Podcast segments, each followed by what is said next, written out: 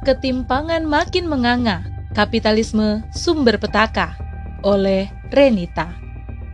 Capitalism has always been a failure for the lower classes. It is now beginning to fail for the middle classes. Howard Zinn. Kapitalisme selalu merupakan kegagalan bagi kelas bawah. Sekarang mulai gagal untuk kelas menengah. Pernyataan di atas tampaknya memang terjadi saat ini ketika sistem kapitalisme makin kokoh menghegemoni dunia. Meskipun di masa pandemi, nyatanya ketimpangan sosial terlihat semakin menganga. Resesi ekonomi yang membayangi dunia malah semakin mengokohkan aset-aset para kapitalis. Nahas, bagi masyarakat kelas bawah dan menengah, pandemi ini justru memorak-porandakan kehidupan ekonomi mereka. Sebuah fakta terungkap bahwa orang kaya di Indonesia mengalami peningkatan selama masa pandemi COVID-19. Berdasarkan laporan kredit Suisse, orang Indonesia dengan kekayaan di atas 1 juta US dollar atau setara dengan 14,49 miliar dengan kurs dolar sebesar 14.486 rupiah berjumlah 171.740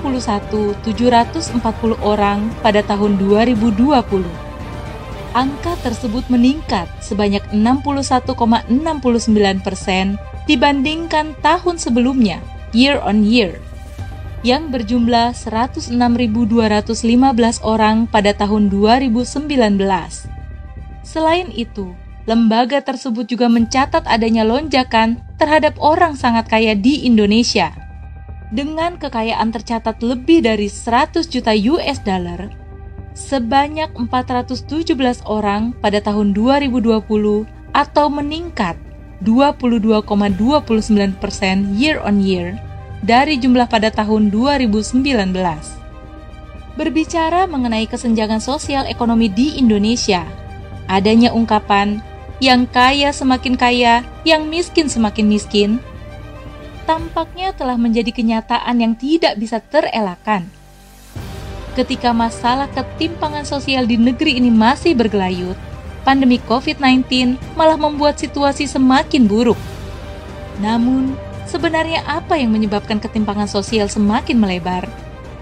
Untuk menjawabnya, tentu kita perlu melihat permasalahan ini lebih dalam lagi.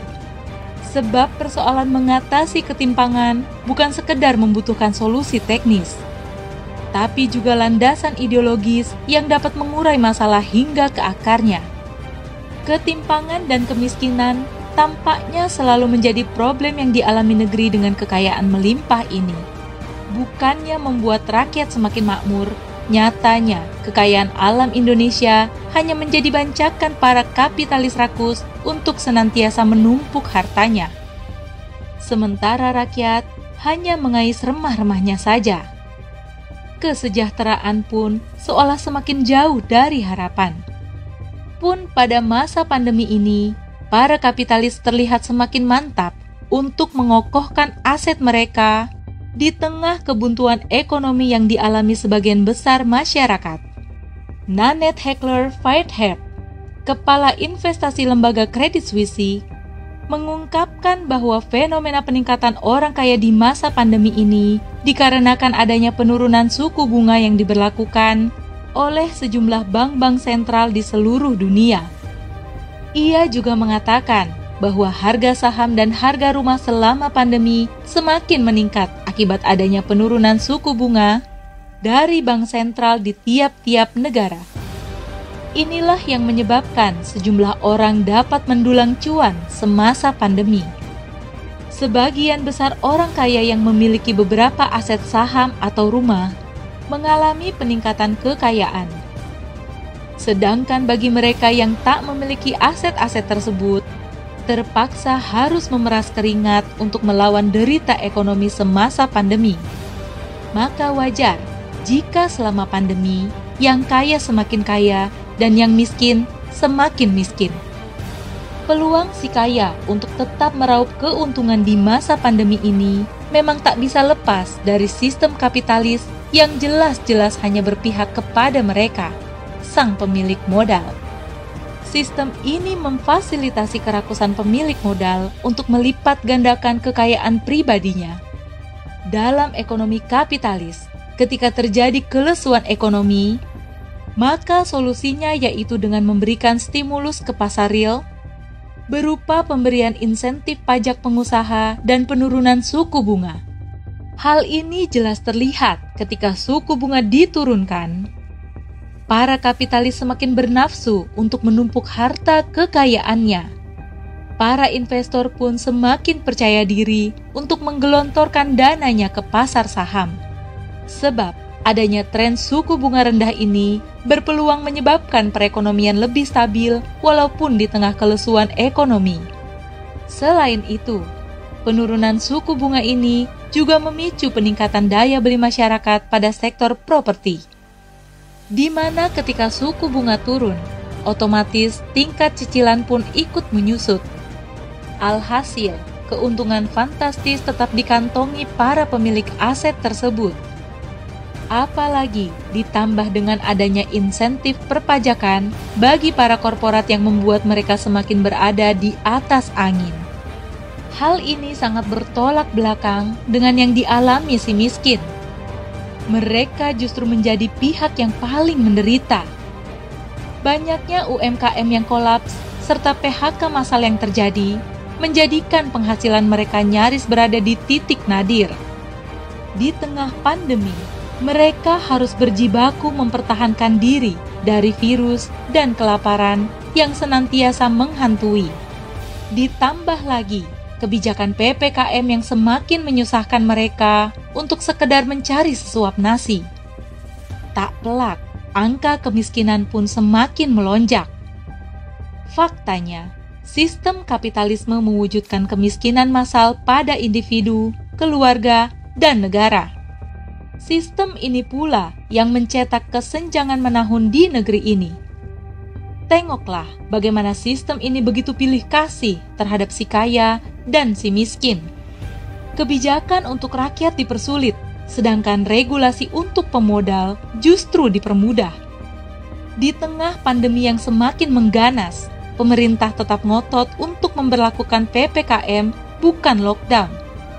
Padahal, adanya PPKM hanyalah kamuflase untuk mengalihkan tanggung jawabnya dari menanggung kebutuhan rakyat.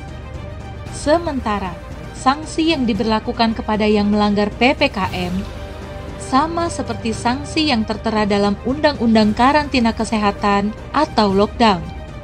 Mirisnya, pada saat yang sama, pemerintah justru kembali mengemis utang ke negara lain hanya untuk menambah anggaran pada proyek infrastruktur bukan untuk membiayai kebutuhan penanggulangan pandemi. Maka, sudah sangat jelas bahwa sistem kapitalisme memang biang kerok dari semakin melebarnya ketimpangan sosial di tengah masyarakat. Padahal, ketimpangan yang terlalu lebar justru akan melahirkan masalah baru di masyarakat, seperti maraknya kriminalitas dan problem sosial lainnya. Sungguh, sistem ini tak akan pernah membawa kesejahteraan bagi umat manusia. Kapitalisme justru menjadi perantara dominasi kekayaan bagi sebagian orang saja. Dalam kapitalisme, yang kuat adalah yang punya harta, sementara yang tak berpunya dipersilahkan untuk menepi saja.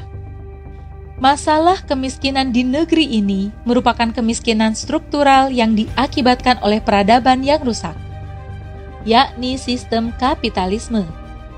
Maka, masalah kemiskinan tak akan bisa teratasi kecuali dengan menyingkirkan sistem kapitalisme dan menggantinya dengan sistem yang berasal dari aturan ilahi, yaitu sistem Islam. Islam, dengan pengaturan ekonominya, mampu mendistribusikan kekayaan secara adil dan merata melalui penerapan hukum-hukum tentang kepemilikan tasoruf kepemilikan, serta pendistribusian harta di antara masyarakat. Untuk menyelesaikan masalah kemiskinan, sistem Islam akan menjalankan dua strategi, yakni ekonomi dan non-ekonomi.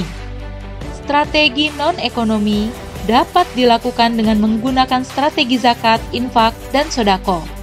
Meskipun potensi ziswak di negeri ini sangat besar, sayangnya belum memadai untuk mengatasi kemiskinan.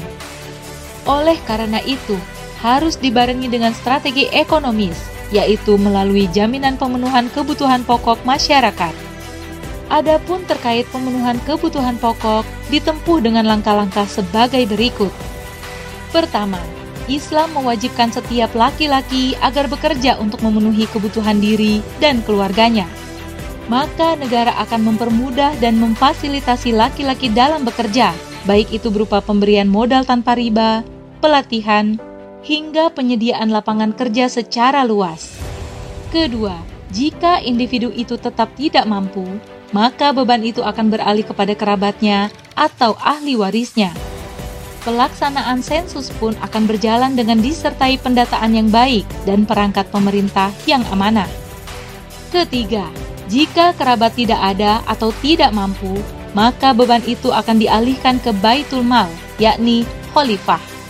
Nabi Shallallahu Alaihi Wasallam bersabda, "Aku lebih utama dibandingkan orang-orang beriman daripada diri mereka. Siapa yang meninggalkan harta, maka bagi keluarganya." Dan siapa yang meninggalkan hutang atau tanggungan keluarga, maka datanglah kepadaku dan menjadi kewajibanku. Hadis riwayat Ibnu Hibban. Keempat, Islam memerintahkan kaum muslim membantu rakyat miskin. Jika kas negara kosong, maka kewajiban nafkah akan dialihkan kepada kaum muslim secara kolektif, sebagaimana firman Allah Subhanahu wa taala. Di dalam harta mereka terdapat hak bagi orang miskin yang meminta-minta yang tidak mendapatkan bagian. Quran Surat Az-Zariyat ayat 19. Sedangkan pemenuhan kebutuhan pokok masyarakat yang lainnya, seperti pendidikan, kesehatan, dan keamanan, maka negara memenuhinya secara langsung dengan menyediakannya kepada rakyat secara gratis atau dengan biaya yang terjangkau.